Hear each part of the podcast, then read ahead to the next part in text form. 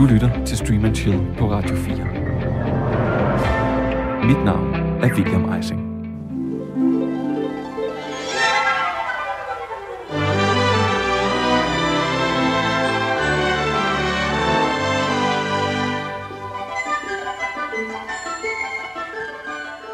Velkommen til Stream and Chills store juleshow. Tidligere på året, der offentliggjorde BBC en liste, hvor de havde adspurgt anmeldere og branchefolk om, hvilke serier de synes var verdens bedste. Men de glemte at spørge os på Stream til, Chill, og det råder vi så bod på nu. BBC havde verdens 100 bedste serier med, men hos os har vi sparet det ene 0 væk, og derfor så får du de 10 bedste serier. Eller du får faktisk 30, fordi her i programmet har vi gjort det, at Andreas Halskov og Simon Skov Jacobsen kommer med hver deres bud. Og så smider jeg så også mit oveni. På den måde, så rammer vi nok noget, alle kan spejle sig lidt i. Altså, når vi er færdige, så vil du kunne sige, hvorvidt du er en Andreas, en Simon, eller om du rigtig har vundet og er en William. I denne uge, der får du den første del fra 10 til 6.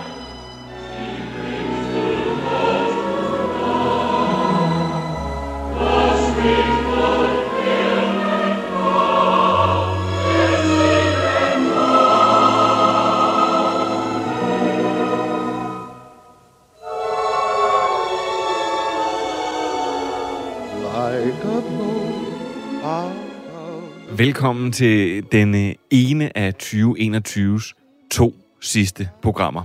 Traditionen tro, så er det en top 10, vi kaster os ud i. Men jeg har jo sagt det hele i introen, og derfor så vil jeg egentlig bare sige velkommen til, til dig, Andreas Halskov. Tak. Og velkommen til dig, Simon Skov Jacobsen. Mange tak.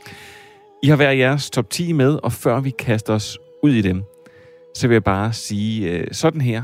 Det her, det er, hvad vi mener er de bedste serier nogensinde. Ingen restriktioner eller noget. Og jeg ved, at det har været en enorm svær opgave for jer begge to, for I har klaget meget over det. øh, på, jeg vil faktisk lige starte med at give en special mention til tre serier, som jeg er virkelig glad for, men som jeg ikke har kunne finde vej på listen. Også for sådan at kunne fortælle lidt, hvad, nogle, hvad sådan nogle krav egentlig kunne være, man stillede op i hovedet. Den første, det er That 70 Show, som er min første rigtig store serie kærlighed og som måske ikke er noget stort værk, men som simpelthen ligger mit hjerte så nært. Den kunne ikke komme med på listen. Den synes jeg ellers, du efterhånden har nævnt rigtig mange gange i det her program. Jamen, den har jeg også set. Jeg tror, jeg fik talt det sammen. Jeg tror, jeg har set den hvert år siden øh, omkring en 2016-17 stykker. Så øh, det er i hvert fald minimum 10 gange nu.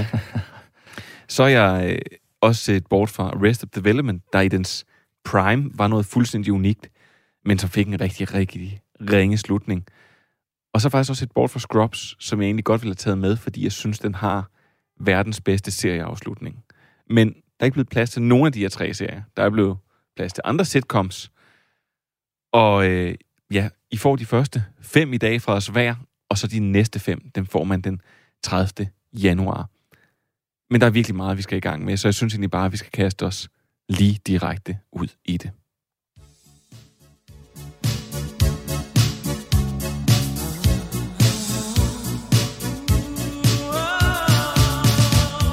Vi starter det helt naturlige sted på verdens bedste serielisten, Stream and Chill, nemlig nummer 10.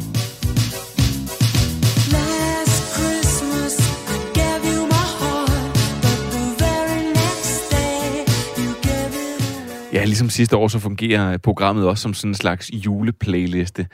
Andreas, vil du ikke øh, ligge for land? Jo, det vil jeg gerne. Øh, den her, min nummer 10, det er... Jeg var faktisk meget i tvivl. Og øh, jeg tænkte, jeg vælger noget, jeg er sikker på, at jeg er den eneste, der vælger. Øh, men som til gengæld er en slags øh, running gag, eller en slags callback, fordi det er Felicity. Ja. Den er simpelthen, øh, ja, og jeg kan lige så godt sige fra starten, det her med verdens bedste serie, jeg kommer ikke til at sidde i løbet af det her program og lige noget af, jeg kunne have læst Jacob Ludvigsen skrive i Sound Venue, eller hvad der står i nummer 50 bedste serier på IndieWire. Jeg siger de serier, der har betydet noget for mig. Og det vil sige, jeg kan godt lide Sopranos og The Wire, sådan noget, men hey, spoiler, de kommer ikke med på min liste. Til gengæld, Felicity har betydet rigtig meget for mig. Det var jo måske ikke, det er måske ikke en kæmpe stor serie, som for eksempel The Sopranos eller The Wire, men, men inden for genren ungdomsserie, den her mere specifikke Øh, iteration college-serie, der synes jeg, at den er uhyre vellykket, og jo altså med længder bedre end andre prominente ungdomsserier fra cirka samme tid, slut 90'erne. Sådan noget som, ja, Beverly Hills, der jo stadigvæk kørt på det tidspunkt, og også noget som Dawson's Creek. Og en væsentlig brobygger fra den type af mere sådan tidlige 90'er-serier til vortids moderne ungdomsserier, som for eksempel Euphoria. Fortæl kort om, hvad handler Felicity om? Øh, I, I sin simpleste form, så, så handler den om en lidt boget pige, spillet af Carrie Russell, det er selvfølgelig den titulære karakter Felicity, som, øh, som flytter øh, med henblik på, øh, på college. Til at starte med, så er hun vel egentlig mest interesseret i at følge Ben, som øh, hun har lidt et crush på.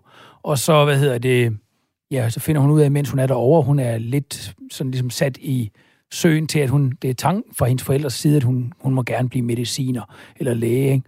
Men øh, hun er i virkeligheden interesseret i the fine arts. Så det er sådan en helt stille og rolig, simpel ungdomsserie på den måde.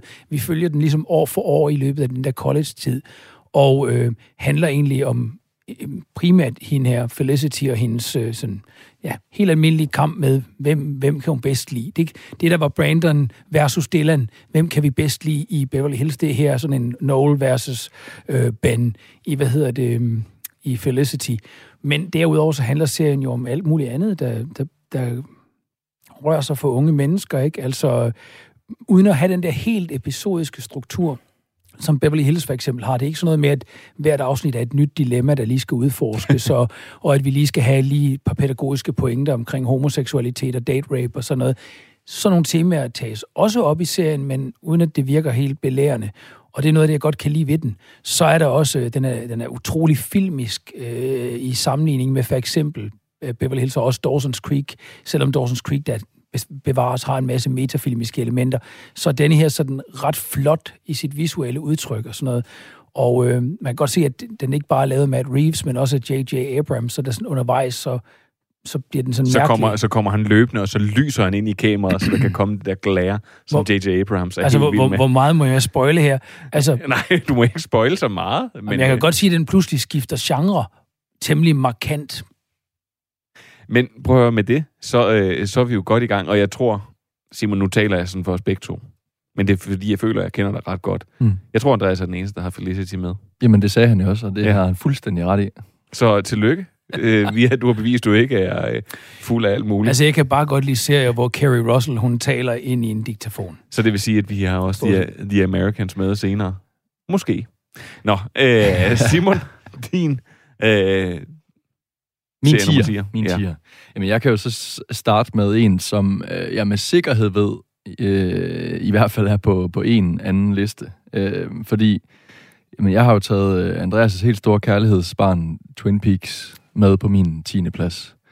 Øhm, og jeg har jo jeg har jo slet ikke samme forhold til den, som, som Andreas har. Det er jo blevet øh, endevendt i programmet øh, i, i, nogle fantast, fantastisk, i et fantastisk afsnit. Øhm, men det står alligevel for mig som, øh, som et, et mesterværk i, øh, i serielandskabet. Altså, jeg så den vel for er det 10 år siden, eller sådan noget, så jo øh, lang tid efter den, den, øh, den kom ud.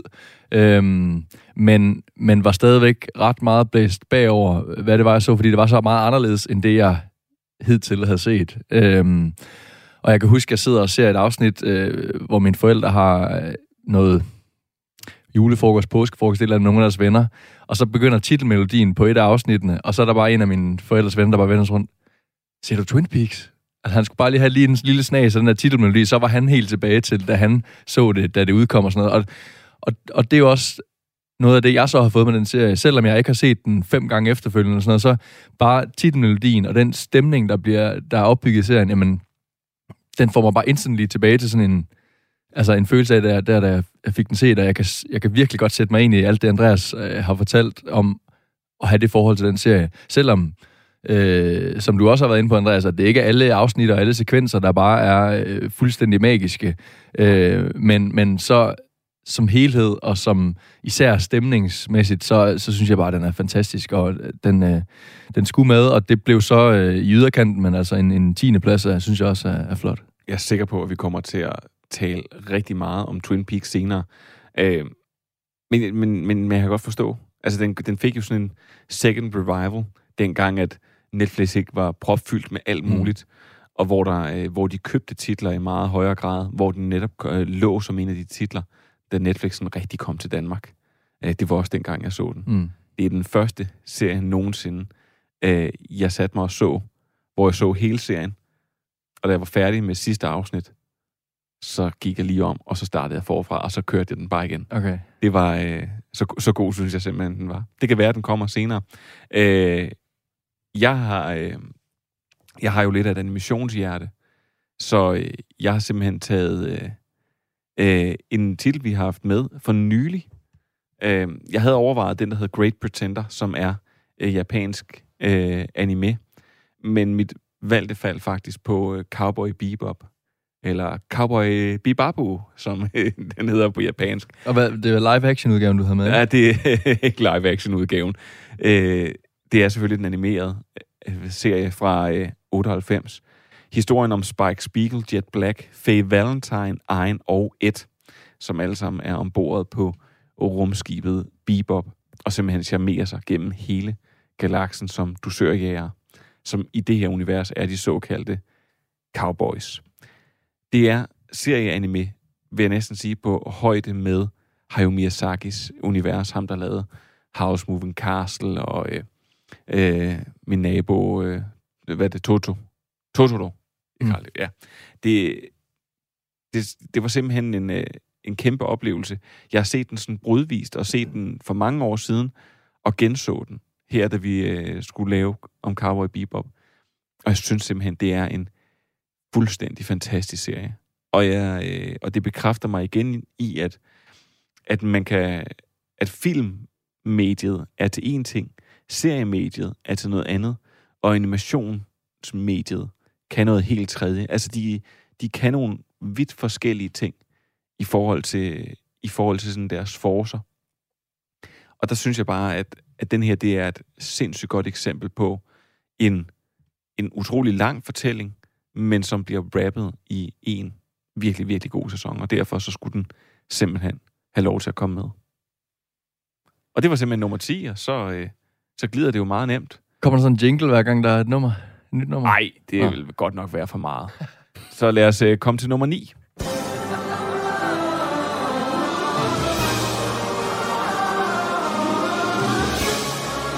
Nedtællingen på verdens bedste serieliste fra dine venner hos Stream and Chill på Radio 4, den fortsætter. Og nu får du nummer 9. It's the most wonderful time Ja, mente jeg selvfølgelig, da du sagde, kommer der en skiller til hver, hver gang. Andreas, øh, nummer 9. Ja, jeg har lavet min første lille dekonstruktion af selve, kon- selve ideen, Ah. ideen her med min nummer 9. det er fordi, jeg har lavet sådan en, øh, nej. en partner-ting. Men det er faktisk fordi, at hvis jeg skal være helt ærlig, så tænkte jeg, prøv at høre, en af de serier, der har betydet allermest for mig, og som ingen nævner nogensinde, men som jeg faktisk også mener regulært er banebrydende, det er en gang strømmer. Og øh, hvad hedder det? Og jeg tænker, det er en perfekt partnerserie til den serie, som den kom i 1987 en gang Strømer, og er en aflægger af, af filmen Strømer fra 1976. Begge er lavet af Anders Reffen, men hvis folk ikke kender Anders Reffen, så er det Nikolaj Winding Reffens øh, far. Og altså, han er jo kendt for øh, for at lave sådan en næsten sådan French Connection, William Friedkin-agtigt håndholdt kamera. Så altså lang tid før man havde danskere, der gik på udkig i amerikanske produktioner, Homicide, Hill Street Blues osv., med henblik på at låne og arve stilen, og Svend Carlsen tog på studierejser i USA og arvede det ind i taxa og sådan noget. Lang tid før det kom i midt- og slut 90'erne, så havde engang Strømer været der i Danmark, og man har bare glemt det. Den har sådan et øh, næsten French Connection-agtigt kameraarbejde, i øvrigt lavet af Michael Salomon, som er ham, der også har lavet filmfotografi på The Abyss og sådan noget. Sådan relativt stort, ikke? Thomas Gislason, en af Danmarks største dokumentarister og i øvrigt klipper, han har klippet den, og så er det altså Anders Reffen, der har lavet øh, skidtet, og når ja, så har vi jo selvfølgelig fantastiske Jens Ocking i hovedrollen, ikke? Øh, som øh, en ja, hvad der også siden 1987 måske var lidt alternativt, nemlig sådan en, en antihelt, der hellere vil drikke porter, end at drikke øh, kaffe, og skjuler porteren i kaffe, hvad hedder det, i sin lille termokan og sådan noget på vej ind på arbejdet og sådan noget. Og så har vi selvfølgelig det her fuldstændig, nu talte Simon om ikonisk musik med Badalamenti før, men den her ikoniske temasang af Kasper Vinding, ikke Sjæl i Flammer, som jo øh, blev, blev lyden af 1980'erne i dansk tv for mig. Den synes jeg, øh, og jeg mener, den er en slags partner til Hill Street Blues. Hill Street Blues er et værk, man ikke må glemme i amerikansk tv-historie. Den var helt signifikant i 1980'erne. Uden den havde det aldrig været sådan noget som Twin Peaks senere. På samme måde mener jeg en gang strømmer, at en, en tidlig perle, der selvfølgelig ikke, hvis man ser den ved siden af, det kan man jo ikke ved siden af Breaking Bad, eller sådan noget, altså, det giver jo ingen mening, men man kan se den ved siden af, hvad var der ellers i 1987, så er det altså et vildt værk. Det er altså ikke så lang tid siden. Et halvt eller et helt år siden, jeg så French Connection. Ja. Jo, jo, men, men okay, men den er så også fra starten af 70'erne, ikke også? Altså, men, men hold op et fedt kameraarbejde og sådan noget, ikke? Altså, øh, fortæl mig helt kort, hvad, hvad handler øh, en om? Den handler om en, en, en forbi... Altså, vi, vi kan, man kan godt begynde at høre nogle krimitroper nu, ikke? Altså, vi har, det, det hvad hedder det, jeg tror, han hedder Karl og ikke? Hvad hedder det, Jens Hockings karakter, som arbejder ved paspolitiet, og han er sådan lidt, efterhånden ved at blive lidt træt af, af dage, og han gider ikke rigtig mere. Ikke træt af dage, som han har lyst til at dø, vel, men han gider bare ikke rigtig arbejde længere. Han er sådan trukket sig lidt tilbage og er blevet sådan lidt søbet alkoholiker og sådan noget, og så bliver han så begynder han at blive rullet ind i en central sag, fordi den også har øh, egentlig rødder ind i hans, eller den har tag ind i hans egen familie, og så bliver han jo investeret, og så kommer han til at arbejde sammen med Jens Arnsens karakter der i. Og det er så dem, vi følger i den her DR-serie. Så øh, der er politijagter, der er voldsomme biljagter, skudt med påhæftet kamera, voldsomme sådan pludselig zooms og kamera, der er, sådan, der er frenetisk klipning og sådan noget. Alt det, som man så med Gene Hackman i, i, i French Connection, som, ja, bevares, heller ikke helt øh, ser moderne ud måske, hvis man ser den i dag, men uden French Connection havde der, der heller ikke været noget Breaking Bad. Men, altså. men det er faktisk sjovt, at du siger det, fordi i French Connection, der er en, øh, en, en jagtscene, hvor en hopper på toget, og hvor Gene Hackman han bliver nødt til at eftersætte i en bil.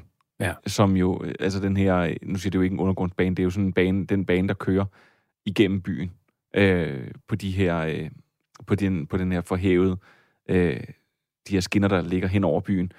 Og det er godt nok en vild biljagt. Det er godt ja. nok også en lang biljagt, men den fik virkelig, der er Ja, virkelig ikke blevet sparet på noget af det. Og det er lavet på en, på en væsentlig vildere måde, end mange af de billagter, der vil blive lavet i dag, er. Ikke? Altså meget mere umiddelbart autentisk, og også meget mere hissigt. Ikke? Altså, den der åbningssekvens, vi har fra Breaking Bad, hvor de kører i, i den der Winnebago derude, og man tænker, hvad fanden foregår der lige i åbningen af den serie, den er, den er direkte taget fra William Friedkin, og det var også det, der var øh, inspirationsgrundlaget for, hvad hedder han, øh, øh, for Reffen, da han lavede Engang strømmer. Jeg synes, det, jeg, vil, jeg er langt fra den første til at sige, at Hill Street Blues er et, et, et, hvad hedder det, det er et kærlighedsbrev til den, jeg nævner nu, og det er den, hverken den første eller sidste, der sender, men til gengæld synes jeg, at En gang strømmer er sådan en serie, som fortjener noget kærlighed også, og den er den danske Hill Street Blues. Fra en gang strømmer til Noget meget andet. øhm, jeg har taget, eller på min 9. plads har jeg taget øhm, I May Destroy You, som øhm, er... Ja. Og ja, så ja, skal vi lige have med, da vi ikke er et øh, billedmedie, at der er straks anerkendende nik fra Andreas. Yes. Ja, det er, Det er det godt bedste, valg, synes jeg. bedste, man kan få. Øhm, jeg, jeg mener, jeg også havde den på min, øh, da vi lavede øh, årsliste sidste år. Øh, der havde jeg den også med, øh, og øh, nu kommer den altså også med her, fordi den stadigvæk på en eller anden måde sidder i, i kroppen på mig, når jeg sådan øh, tænker igennem de serier, jeg har set. Så er det en, der dukker op, som har virkelig har gjort indtryk på mig. Øh, en fuldstændig fantastisk øh, skuespiller og øh, manuskriptforfatter, og hvad hun ellers er, Michaela Cole, som, hvis man ikke lige kender navnet, så er jeg ret sikker på, at man kan genkende hende, når man, når man ser hende. Hun har et, et, et specielt øh, udseende, øh, og man kender hende måske ved Chewing Gum, hvis man har set den. Øh, men hun har altså selv skrevet og spiller hovedrollen i den her serie, hvor hun tager fat i en øh, krænkende oplevelse, hun selv har haft, hvor hun altså var i byen med nogle, nogle venner, øh, og vågner op dagen efter, og har det underligt, og så sådan i glemt dukker det frem til hende, at hun altså har været ude for et seksuelt overgreb. Øhm, og det er så det, serien derfra handler om, hvordan hun ligesom får stykket forskellige historier sammen fra, fra natten. Øhm, og skal, skal jeg ikke sige mere om det, men, øh, men, men man, kommer, man kommer tæt på, og man, når man ved, det er hendes sådan personlige historie, selvfølgelig med nogle modifikationer og sådan noget, men, men så synes jeg, det er en, en virkelig, virkelig stærk serie, øh, som ja, på en, en side tager fat i et, øh, et emne, der jo øh, øh, kun bliver mere og mere aktuelt med de, de diverse MeToo-sager, der, der dukker op, og um, samtykkelovgivning, og altså det er virkelig noget, der, der fylder meget af gode grunde. Øh, når det så også er sådan et, som jeg siger, personligt, øh, en personlig oplevelse, hun, hun tager fat i, så synes jeg, det er, det er øh, helt, helt, en helt fantastisk øh, serie, øh, som gjorde stort indtryk. Altså, det er jo det, der nogle gange, de her serier, virkelig, virkelig ben, ben hårde serier, kan gøre. Uh, jeg synes nogle gange, at det er... Altså, det, man skal sige, det kan nærmest være ødelæggende for en at se sådan en serie, som er så, uh, er så hård. Mm. I know this much is true, sidder stadigvæk sådan og, og krasser inde i mig. Mm. Jeg synes så, hun, hun, hun lander... Altså, det er ikke sådan, man bare er... Eller det, jeg kan jo kun tale for mig selv. Det er jo ikke sådan, jeg bare var fuldstændig smadret, som jeg ved, du var, da du så uh, I Know This Much Is True. Uh, men fordi hun, hun... Der er også sådan en... Øh, der er også lidt humor i, altså der er også lidt, øh, d- nogle af scenerne er sådan øh, lette, øh, som i en almindelig komedie eller andet, og så vender vi tilbage til, øh, til det øh, sådan mere dystre emne, men så, så den balance er der også i den, og det, det jeg synes bare, det er øh, virkelig, virkelig godt ramt. Jamen, så øh, kan jeg runde øh, nieren af med altså Andreas' Andreas' store kanonværk, og du kommer med dit virkelig, virkelig seriøse, så kommer jeg simpelthen med øh, en sitcom. Og jeg næsten vil kalde den en sitcom, der har været med til at føde alt det, der kom i nullerne og tierne. Hvad er det så for en, jeg snakker om, Andreas? Mm, ja, er det, øh, altså, Det må være sitcom over alle sitcoms. om, er det Scrubs? Nej, det er Seinfeld. Nej. Nå. Nå. Øh, og fordi den her... Øh, det er jo et samarbejde mellem øh, Larry David og Jerry Seinfeld, der skaber en serie, som handler om, i der, med deres egne ord, ingenting. Men den handler i virkeligheden om øh, den her lille vennegruppe, hvor deres liv er sådan slut 20'erne, start 30'erne. Og det sjove er med sådan en serie her, og særligt med sitcoms, det er jo, at karaktererne bliver karikatur på sig selv. Men fordi at de her karakterer er så... De vil jo ikke onde, de er jo bare ligeglade. De, er jo, øh, de går kun op i sig selv. Så bliver serien faktisk kun bedre af at blive en karikatur på sig selv. Så derfor så føles den faktisk mere frisk i sæson 7, 8 og 9, end den gør i sæson 1, 2 og 3. Og det synes jeg er meget, meget modsat af, hvad alle de her øh, serier her, de normalt gør.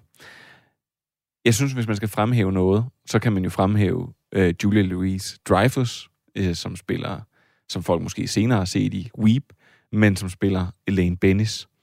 Eller Michael Richards, som ikke spiller noget, efter han øh, stod og havde en frygtelig masse grimme ting at sige om afroamerikanske mennesker.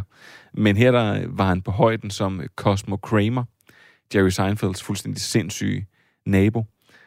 Jason Alexander, øh, der spiller øh, Jerry Seinfelds fuldstændig afstumpede barndomsven, George Costanza. Men i virkeligheden, så er den helt store showstiler i den her serie, det er Jerry Stiller, øh, Ben Stillers far, som spiller Frank Costanza. Et, og han er simpelthen et komisk geni uden lige. Og øh, jeg tror, jeg har fortalt den her historie før nu, ved at gøre det meget kort. Men at han kom jo ind til den her audition og skulle læse op, hvad de havde skrevet rollen som. Og det fungerede bare ikke.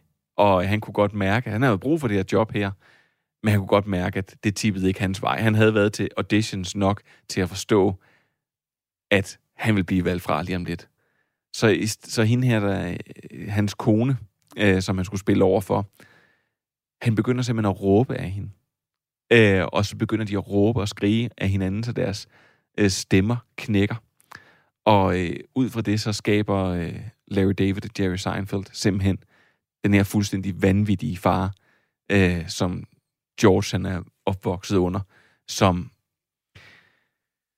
som, som samler på tv-guides, og som i stedet for at holde jul, holder festivals, hvor man skal fortælle alle de mennesker øh, der er i ens hjem, hvad for nogle problemer man har med dem, og så skal man danse rundt om en aluminiumspæl, så man, øh, og så festivals er ikke over, før at ham, der ligesom holder festivals, det er jo så det her tilfælde, Frank Costanza, han bliver lagt ned af sin søn i en brydekamp. Seinfeld er øh, stadigvæk en serie, man kan sætte sig ned og se og få masser ud af, og jeg ser den alt for tit. Øh, den ryger også på en gang, sådan, ikke en gang hvert år, men en gang hver andet år, så starter jeg, og det er, øh, det er formidabelt. Jeg ved ikke, hvorfor jeg ikke gættede, det var den. Fordi øh, selvfølgelig er det da den. Ja. Altså, det er da, det er da så meget et William-valg, synes jeg. det er også en virkelig, virkelig god serie. Og så er du også en af dem, der bliver ophidset over, at Netflix har croppet den. Ja, en lille smule. Men nu øh, går vi videre til... Det, vi skal være glade i dag. Vi går videre til nummer 8 og snakker ikke om Netflix-cropninger. Okay,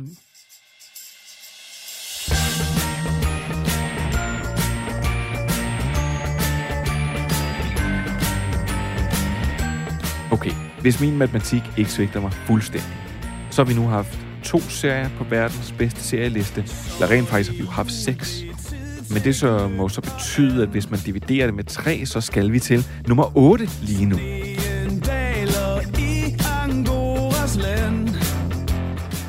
Det gør den nemlig. Og med det, så øh, Andreas, jeg synes, vi skal holde, øh, vi skal holde øh, rutinen, så jeg lad, du får lov til at komme med nummer 8. Jamen, det var en meget interessant bro, der naturligt kunne laves her. Det er jo heller ikke andet end et par dage siden, jeg genså det afsnit, hvor Brian Cranston spiller med som den irriterende læge i Seinfeld, ikke? Det er rigtigt. Jamen, det er tandlægen, ikke? Som Tandlægen, der konverterer til at blive jøde for at kunne lave jødejokes. det er virkelig sjovt. Ja, så, og, og, som kalder dem anti-dentist, Ja. eller dentist, ikke? Er. Jamen, han er virkelig sjov. Hvad hedder det? Anti-dentite, tror jeg, er, han kalder det. Hvad hedder det? det er, der er en naturlig brug, det er, fordi jeg havde faktisk tænkt en serie, som jeg også synes er ret væsentlig i forhold til komediegenren, uh, øh, The Larry Sanders Show, um, og uh, som jo har en meget konkret brug til det, du taler om, fordi Jason Alexander er jo en af dem, der spiller gæstestjernen der i. Det er Gary Shandling, som har lavet den. Han havde forinden da lavet Gary, et Gary Shandling show i 1990, den, eller nej, den kom faktisk i 80'erne, men kører ind til 1990, hvor The Larry Sanders Show så kører fra 92 til 98 eller sådan noget, den dur, på HBO, og er ligesom hans foregående, sådan har det her meta-element, det her mockumentary-element af, at han, det er en slags satire over et øh, stand eller ikke over et stand-up show, men over et almindeligt sådan tonight show, hvor man følger øh, verden, spillet af skaberen selv, Gary Shandling, som Larry Sanders, og så har man hans sidekick spillet af Jeffrey Tambor, ham som folk nok vil kende øh, som crossdresseren, eller, eller hende, der bliver til Mora i, hvad hedder det, øh, Transparent, men som altså her... Øh, Eller faren i Arrested Development. for eksempel, ja, altså en stor skuespiller, men det er altså Gary Shandlings show, al den stund det her, det så hedder Larry Sanders Show, og det sjove er den måde, hvorpå han integrerer en række virkelige celebrities, der spiller i rollen som sig selv. Noget, der jo sidenhen blev sådan en ret markant trope, blandt andet i for eksempel Curb Your Enthusiasm og, og sådan noget som The Office. Hvad hedder det? Jeg, jeg debatterede hårdt og kontant med mig selv. Skulle jeg vælge Larry Sanders Show, eller skulle jeg vælge The Office, den britiske? For jeg synes egentlig, at Gervais serie, den er også kort og skarp, er, den er bedre. Men jeg synes, Larry Sanders, jamen, uden den, så havde Ricky ikke Gervais slet ikke lavet en serie. Altså, så havde der ikke været noget. Det er ligesom, altså, øh, så jeg synes, mm, ja, der valgte jeg sådan ligesom faderen, og så når vi kommer senere op på min liste, så vælger jeg de mere sådan, hey, everyone thinks they're great. Du er, øh, det, du er meget skarp i det, Andreas. Øh, men simpelthen The Larry Sanders Show. Du har haft, øh, jeg kan huske, du har haft... Øh, Ja, Vi har talt om Gary ja. Shandling før, ham har jeg et eller andet kærlighedsforhold til, og ligesom dig synes jeg, at, hvad hedder det, øh, og det, jeg vidste, at der ville jeg også kunne regne med dig, William, at, hvad hedder det, det måtte ikke ende med bare at være sådan en dramaserie, halløj, det her. Altså, der er sgu også lavet rigtig gode øh, serier, som er mere over i det komiske eller satiriske, og øh, det, det er også kunst. Jamen, jeg tror, jeg har, i høj grad har opdaget sådan hele seriekunsten, hvis man kan kalde det på det. Det er i høj grad oplevet igennem sitcoms, og derfor vil jeg altid have et meget, meget stort blødt punkt for sitcoms, og for det her sådan melodramatiske, som, øh, som, som den genre sådan har også ført med sig. Det, det er på en eller anden måde meget mere til.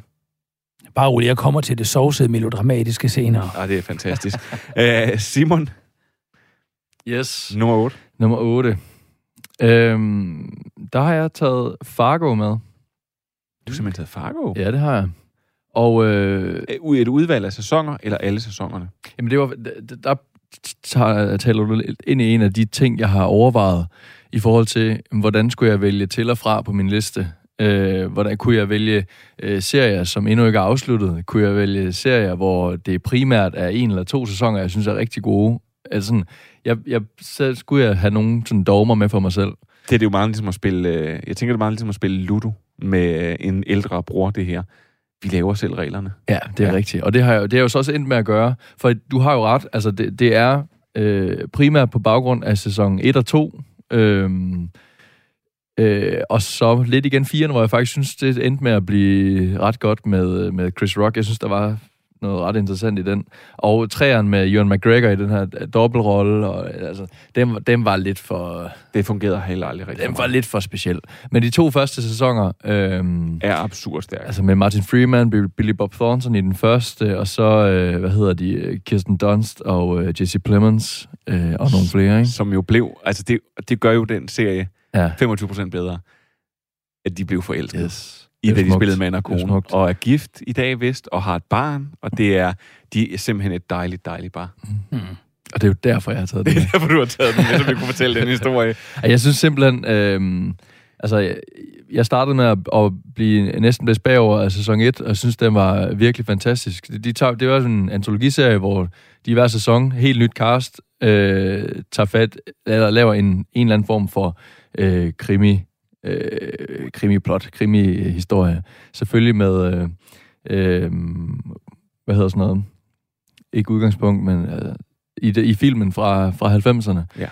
Øhm, og øh, så blev jeg bare endnu mere blæst bagover i sæson 2, hvor jeg synes jo, jeg tror, det var mit første øh, møde med Jesse Plemons, eller i hvert fald et af de første, hvor jeg bare, altså jeg synes, han var helt magisk. Altså, Han jeg er- synes, Han er en formidabel skuespiller. altså fuldstændig vanvittig, og jeg synes, ej, det var selvfølgelig ikke mit første møde med ham, fordi, Breaking Bad. ja, Ja. Øh, men, øh, men som en, en ældre skuespiller, Ja. øh, hvor som lidt der. Øh, og jeg synes, han er så fed i den serie. Og øh, der er mange andre, der er vanvittigt gode, og jeg synes, de to første sæsoner er helt vildt spændende. De fungerer vildt godt som, øh, som krimi. Ja, og Kirsten Dunst, der skal spille sådan lidt dum og grim. Ja. Det fungerer også sindssygt godt. Altså, øh, men det, det gør det virkelig. Ja. Så altså, på baggrund af de, af de to første sæsoner, så er øh, Fargo min, øh, min otter. Jamen, øh, nu kommer der en, som jeg mistænker, at vi alle sammen har på vores liste et eller andet sted. Det er vores tids øh, dollars, Dallas, eller hvad de nu alle sammen hed. Det er familieintriger for fuld udblæsning med udgangspunkt i familien Roy, bestående af Logan, Roman, Connor, Schiff og Kendall, som kernen i det her. Mm. Det er selvfølgelig Succession, og det er en serie, jeg er blevet meget overrasket over, at jeg kunne lide, fordi det har taget mig mange forsøg at komme i gang med den. Men, øh, men, men, da, men så på et tidspunkt, så bed den på. Og nu er den jo i sin tredje sæson. Den er jo ikke afsluttet. Men jeg synes, at jeg er ekstremt godt underholdt. Der er nogle gange stadigvæk, hvor mine røvballer, de klemmer sig lidt sammen, fordi det bliver lidt for akavet, eller lidt for pinligt. Men samtidig så føler jeg også virkelig... Det, det jeg havde sådan et problem med først med Succession, det var, at jeg kunne ikke identificere mig med nogen af karaktererne, fordi de var mega rige og mega røvhuller. Men nu er vi faktisk nået til et punkt, hvor jeg sådan glemtvis identificerer mig i dem. Eller det her med, at man har et lidt ødelagt familieforhold, eller altså, at man, øh, at, at lige meget, lige meget, hvor, hvor meget man nogle gange, for eksempel, har en lille søster, hvor træls man kan synes, hun er, så er hun jo stadigvæk min søster. Mm. Mm. Og sådan har de også. Her kan jeg jo se, lige meget hvor meget de bekriger hinanden, jamen så er de jo stadigvæk søskende i sidste ende. Jeg synes, jeg vil sætte en pæn i Succession der, fordi jeg tænker, vi kommer til at snakke mere om den senere. Og med det så er det tid til en catchy melodi, så vi kan komme til nummer syv.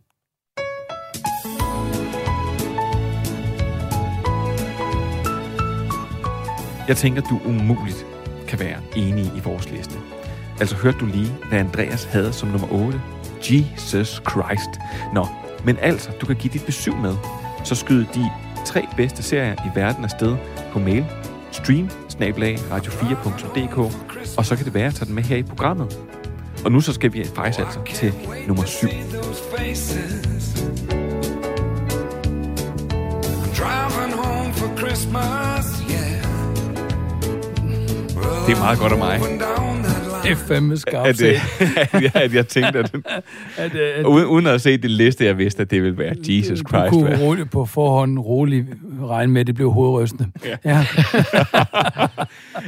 Øhm, Jamen, jeg bliver ved i den gænge, det kan jeg lige så godt fortælle dig, William. jamen, så øh, skyd løs. Men så tænker jeg, som, som en, øh, en, en, en, din gode, øh, gode, hvad hedder det, sidekick her, så laver jeg lige en naturlig bro. Fordi øh, nu nævner du Succession. Andy Richter til min øh, Og- Conan O'Brien. Ja, øh, ja, ja, eller et eller andet, ikke? Ja, ham der, den lille, den lille hund, der er med i øh, Earthworm Jim eller sådan noget. Ja, hvad?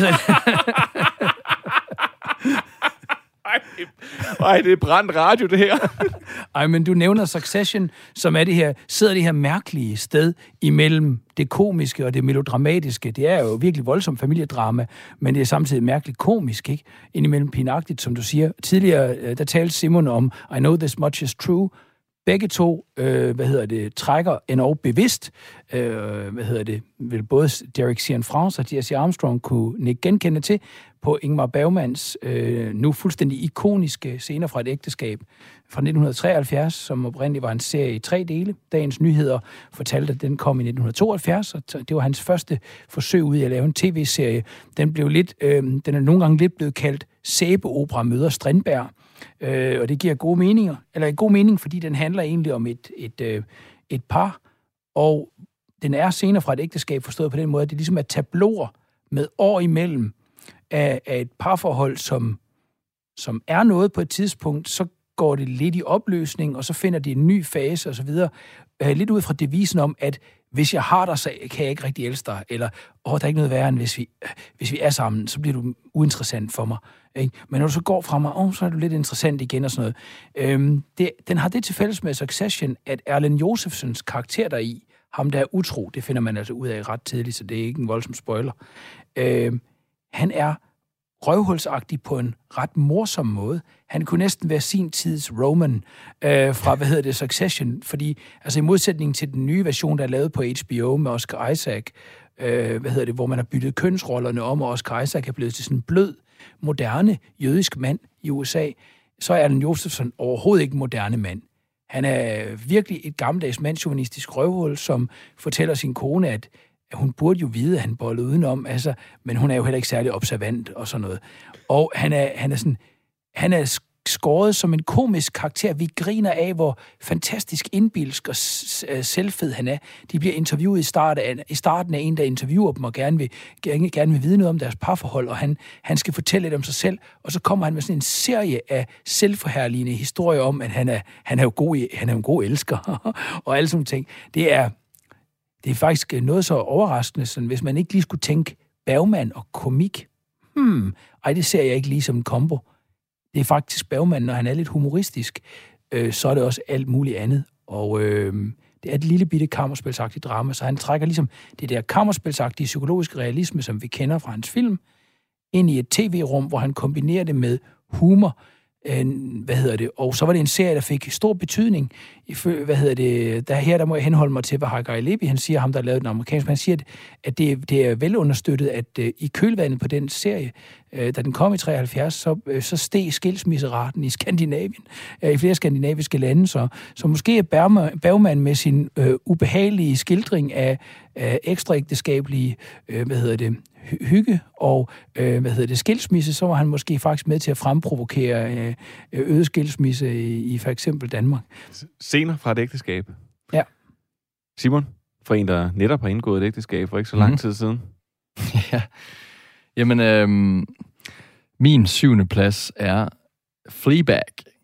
Oh yeah. Øhm, og det er det jo øh, primært på grund af Phoebe Waller-Bridges, fordi hold nu op, hun er skøn. Ja, altså, det er hun virkelig. Hun er fantastisk. Vanvittig sjov, og så har hun ja, lavet en fuldstændig fantastisk serie om at være øh, ung i London med alle mulige forskellige øh, problemer. Øh, hun, øh, hun har lidt øh, døjer med lidt øh, psykiske problemer i forhold til at be- bearbejde en øh, venindes øh, selvmord, og der er øh, familieproblemer. Øh, en stedmor, eller hvad sådan noget hedder, papmor, fantastisk spillet af Olivia Colman. Øh, og ja, altså, den er, det er, jeg kalder mig sådan noget, en, en øh, tragikomedie, eller hedder sådan Ja. noget. Øhm, sådan lidt en, en, en mørk komedie. Jeg synes, og, men den er virkelig sjov. Den er helt og aldeles fremragende, og det er simpelthen en serie, hvis man ikke har fået set den endnu, så skal man se den. Og det er jo, der er jo en grund til, at Phoebe Waller-Bridge er en af de mest eftertragtede forfattere, og jo også har været en skuespiller, der kunne vælge projekter. Det er derfor, det er så spændende, at hun har slået sig sammen med den anden mest eftertragtede forfatter, øh, Donald Glover, og de så sammen Mm. mm. skal lave en spionserie nu. Ja, det havde jeg faktisk ikke engang. Øh, Øh, Jo, men er det, er det Mr. noget med, der har været, har der været kur på tråden der i forhold til... Øh, holder det stadigvæk? Eller? Det holder stadigvæk, som jeg, Okay, jeg for der har været, jeg synes bare, jeg har hørt kur på tråden i forhold til det. det jeg kan mærke, det her, det, det der irriterer mig her, det er, at øh, jeg havde simpelthen øh, glemt Fleabag. Fordi det, Det er ærligt snak, Andreas. Altså, det, det, det, det, det piner mig. Fordi det er jo den, sådan en hører til på en top 10. den havde været... Øh, jeg, må, jeg må faktisk sige, jeg, jeg vidste... Jeg, jeg var næsten sikker på, at den ville komme med. Og derfor så var jeg sådan, at jeg synes, at den er... Jeg synes, den er helt fantastisk. Men jeg havde simpelthen også så meget andet, der skulle, med, været, skulle være med. Så, så på den måde, så er den egentlig ikke rigtig kommet med. Jeg synes, hun er virkelig, virkelig god. Og, øh, og Elisabeth og jeg har set den sammen to gange. Og været virkelig, virkelig godt underholdt. mm. Fleabag. En smuk satcom. Ja, ikke? ja en satcom. Øh, det er det ikke rigtig en satcom, jeg har med. Og det her, der vil, der vil helt sikkert være nogle protester øh, over den her. Fordi den har lidt delt vandene. Men jeg er jo en kæmpe Star Wars-nørd. Og jeg elsker Star Wars-universet. Og den her serie her, den foregår mellem episode 6 og 7 i filmsagaen, og handler om en Mandalorian, og derfor hedder den selvfølgelig The Mandalorian. Og en Mandalorian er en, i det her tilfælde en dusørjæger, der ender på en opgave, hvor han krydser sin vej med et force-sensitivt væsen. Og jeg må bare sige, at jeg synes, at det her, det er... Jeg kan godt se, at der er lange blikke for jer begge to. Det her, det er... Jeg synes, det her det er en virkelig, virkelig fantastisk serie, der passer ind i den her Star Wars-kanon. Og den bliver ikke, den bliver ikke dårligere af, at det er Pedro Pascal, der spiller øh, The Mandalorian, og det er ham her, Ludwig Jørgensen, der har lavet soundtracket. Jeg synes, at rigtig meget af det Star Wars, der er kommet ud fra Disney, faktisk er rigtig, rigtig godt. Særligt de animationsserier, der ligesom har været med til at udvide universet. Så jeg sidder også bare og glæder mig vildt meget til Book of Boba Fett. Men jeg føler, at i dag, der sidder jeg lidt alene med den her. Så med det, så... jeg, kan, jeg kan ganske enkelt ikke udtale mig om det, så... Du var da med, da vi havde Star Wars. Øh, Ja, men der var sgu heller ikke meget, jeg kunne udtale mig om. Nej, det er rigtigt. øh, vi haster videre til nummer 6.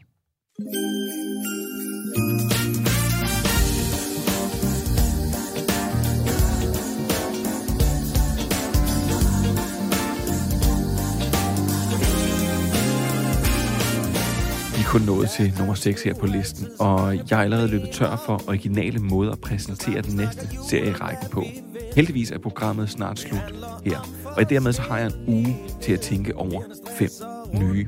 Hvem der siger, du lytter til Stream Chill på Radio 4, og det her det er nummer 6 på listen over verdens bedste serier. Det har så givet mig en idé.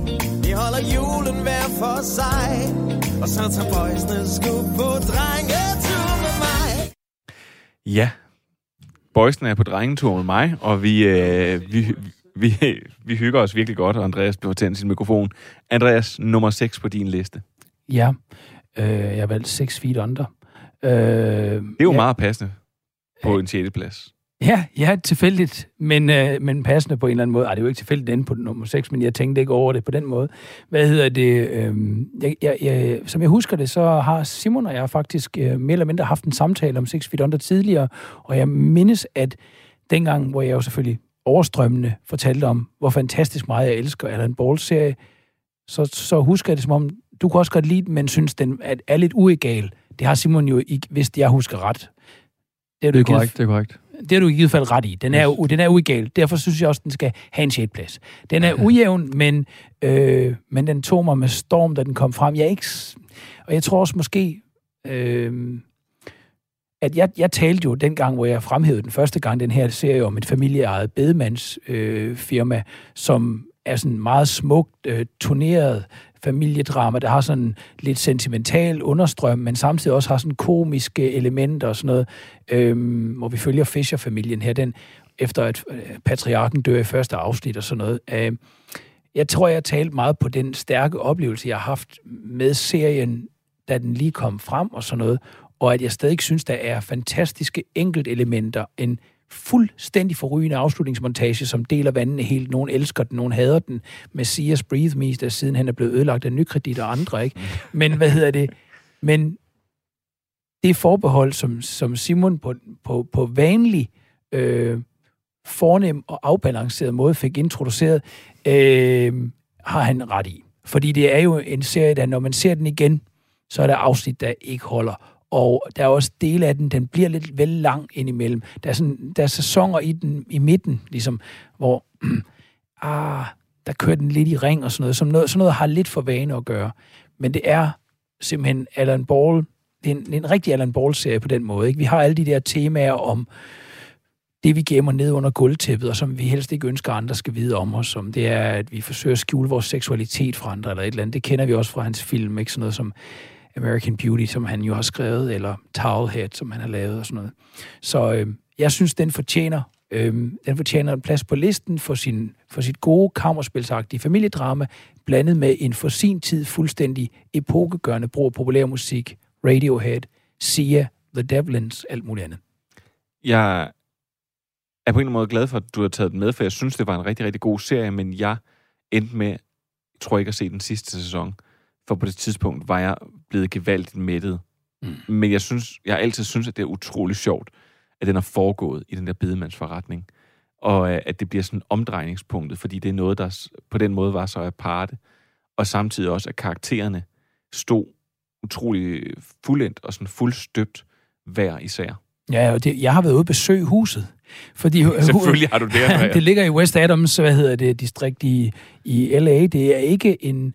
Det er også noget af det sjove ved den. Det er nemlig ikke bare det er, den der setting der, med selvfølgelig bedemandsforretning. Det er jo sådan en mystisk øh, arena til at starte med til en serie. Men det er også i det hele taget, at man vælger en serie, der handler så meget om, om skift øh, i livet.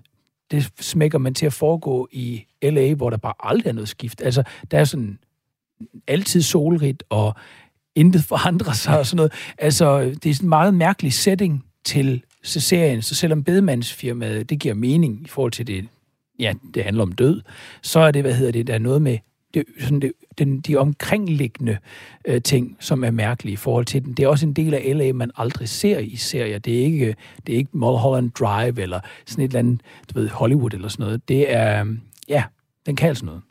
Six Feet Under. Simon? Det er selvfølgelig også det, der ligger på din 6. plads, eller hvad? Det er det, det er det desværre ikke. Nå.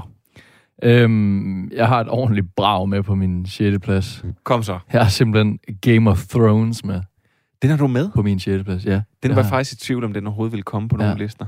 Ja, jamen, og, og øh, det siger også meget om, hvor øh, svært det var at lave den her liste. Jeg var, jeg var nærmest helt i tvivl om, om jeg skulle have den med, og nu er den på min 6. plads. Ikke?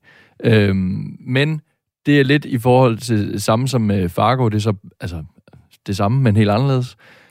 De fire første sæsoner af Game of Thrones er, er, er noget af det bedste, jeg har set, og jeg slugt, jeg tror, jeg kom med lige inden fjerde sæson startede, så sæson 1, 2 og 3 så jeg på lidt under en uge, og lå kun inde på mit værelse, og så bare altså Game, Game of Thrones derudad, og var helt opslugt, og fuldstændig inde i universet, og synes det var fantastisk. Og jeg er ellers ikke sådan en kæmpe fantasy... Du er ikke fantasy-mand. Nørd og sådan noget. Nej, det er, det er jeg egentlig ikke. Men jeg, men jeg synes virkelig, det var, jeg synes virkelig, det var fedt. Og så må jeg også sige, at øh, jeg stod sådan mere og mere af, jo længere den kom hen. Men var stadig underholdt. Øh, og så er det bare, altså, det er jo, det er vel, det er noget af det, sådan, det, det største og mest bombastiske, jeg har set. Kæmpe produktion. Øh, sindssygt univers, der er, der er gang i, øh, som jeg jo, hver gang der er nogen, der ikke har set den, der spørger mig, hvad den handler om, men jeg kan jo ikke, altså, det, det, det kan jeg ikke, det kan, det kan jeg ikke sige. Øh, så det, jeg synes alligevel, den, den skulle med, og, øhm, Og det, det, det var måske virkelig en Ronny, der sidste gang, jeg var med her, øh, overtalte mig, fordi han havde den med som den serie, han ville fremhæve, da vi alle sammen var med i jubilæumsafsnittet. Øh, hvor han jo virkelig også bare, jeg synes, satte nogle gode ord på, og, og det der med, at jamen, så kæmpe en, så kæmpe en produktion, så kæmpe en serie, det er noget af det største, der er lavet i de sidste mange år, eller hvis ikke nogensinde hedder det vel. Ja, og det er vel sådan set også rigtig nok, og på den måde kunne den godt være berettiget, fordi jeg- har også siddet og fulgt med. Jeg, øh, jeg har jo så til gengæld masser af fantasy-venner. I har alle sammen mødt Manfred. Mm. Øh, så øh, jeg, jeg fik jo at vide, se med fra start, og ja, der var ikke kommet mange afsnit ud, før jeg begyndte at se den. Øhm, og Elisabeth stod på en, øh, en påske eller sådan noget, tror jeg, hvor jeg var syg, og så lå vi i sengen en uge, øh, og jeg lå sådan og halvsov, og Elisabeth, hun så, øh, jeg tror faktisk de første, de første fire eller fem sæsoner, og var jo så også helt opslugt af det her univers. Og ja, så dalede den i kvaliteten, man lagde måske ikke så meget mærke til det, men jeg synes faktisk, at den er, den er virkelig berettiget en plads på sådan en liste her, fordi det er en kæmpe serie. Men det er ikke... Jeg er glad for, at du har den på en 6. plads, for jeg synes ikke, det er Mm. verdens bedste serie. Nej. Det er jo lige før, at, øh, at den øh, serie, som øh, jeg så har med, den næsten kunne være det, fordi den har vi jo... Det er jo sådan en serie bingo, vi i hvert fald alle sammen har. Det er Twin Peaks, øh, som jeg så fortalte, at det var også en serie, jeg så nærmest så back to back. Og øh, det er jo lige før, jeg næsten bare kunne give dig ordet, Andreas, men jeg er sikker på, at du også har den med øh, senere, fordi det vil være mærkeligt, når du nu har bygget hele din spinkle, spinkle karriere på den her, at du så ikke havde den med. Men jeg vil bare sige, at med Twin Peaks, øh, der blev jeg suget ind af mormysteriet. Og så forstod jeg alligevel aldrig helt, hvad det var, øh, jeg var en del af. Og jeg vendte tilbage igen og igen for at se det. Men det, der jo fungerer i den her serie, det er ikke kun A-plottet, men det er B og C og D og E og F. Altså, der er så mange tråde, der er så mange plots, der kører, og som kører igennem serien. Og det er helt utroligt, at i sådan en lille by, at jeg kan acceptere, at alle har nogle problemer, og alle har noget at skjule, og alle har et eller andet, der driver dem. Og det synes jeg stadigvæk er vildt. Og det er faktisk derfor, at da jeg satte mig ned og så den, for det må faktisk være, efter vi to havde lavet specialen, der så jeg noget af den op til, og så så jeg det sidste bagefter. Der var godt nok, godt nok imponeret over, at den serie stadigvæk er så relevant og så frisk i dens udtryk, selvom at det er reelt noget gammelt lort jo. Øhm,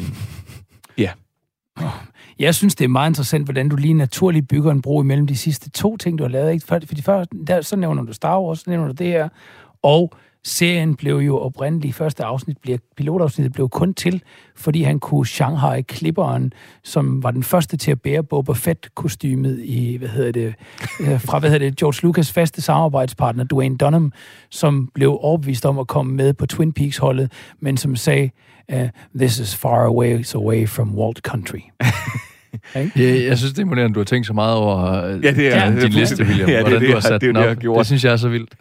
Øhm, prøv at høre, alle de her titler her, som vi har nævnt i den her time, og hvor de kan streames, det finder du i podcast-teksten. Så jeg vil egentlig bare sige, øh, for alle os herinde, det kan jeg vel godt tage ordet for os alle sammen på den måde, og til alle jer, der lytter med, så må I få en rigtig, rigtig, rigtig god jul. Og Andreas, nu er der ikke andet give ordet, de sidste ord til. Jean-Luc Picard. Det er faktisk ikke rigtigt. Nej, For i dag er det Jean-Luc Julepicard. You know, back when I was in the academy, we would follow every toast with a song.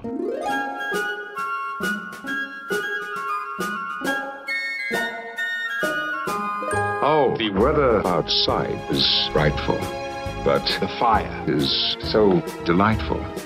And since we've no place to go, Make it so. make it so, make it so. Man, it doesn't show signs of stopping. And I brought me some tea Earl Grey hot. The lights are turned way down low. Make it so. Make it so. Make it so. When we finally kiss, Good night. how I hate going out in the storm. But if you Really? shut up, Wesley. All the way home, I'll be warm. Oh, the fire is slowly dying. And my dear, We're still goodbye, Ben. But As long as you love me, so, make it so. make it so. Make it so.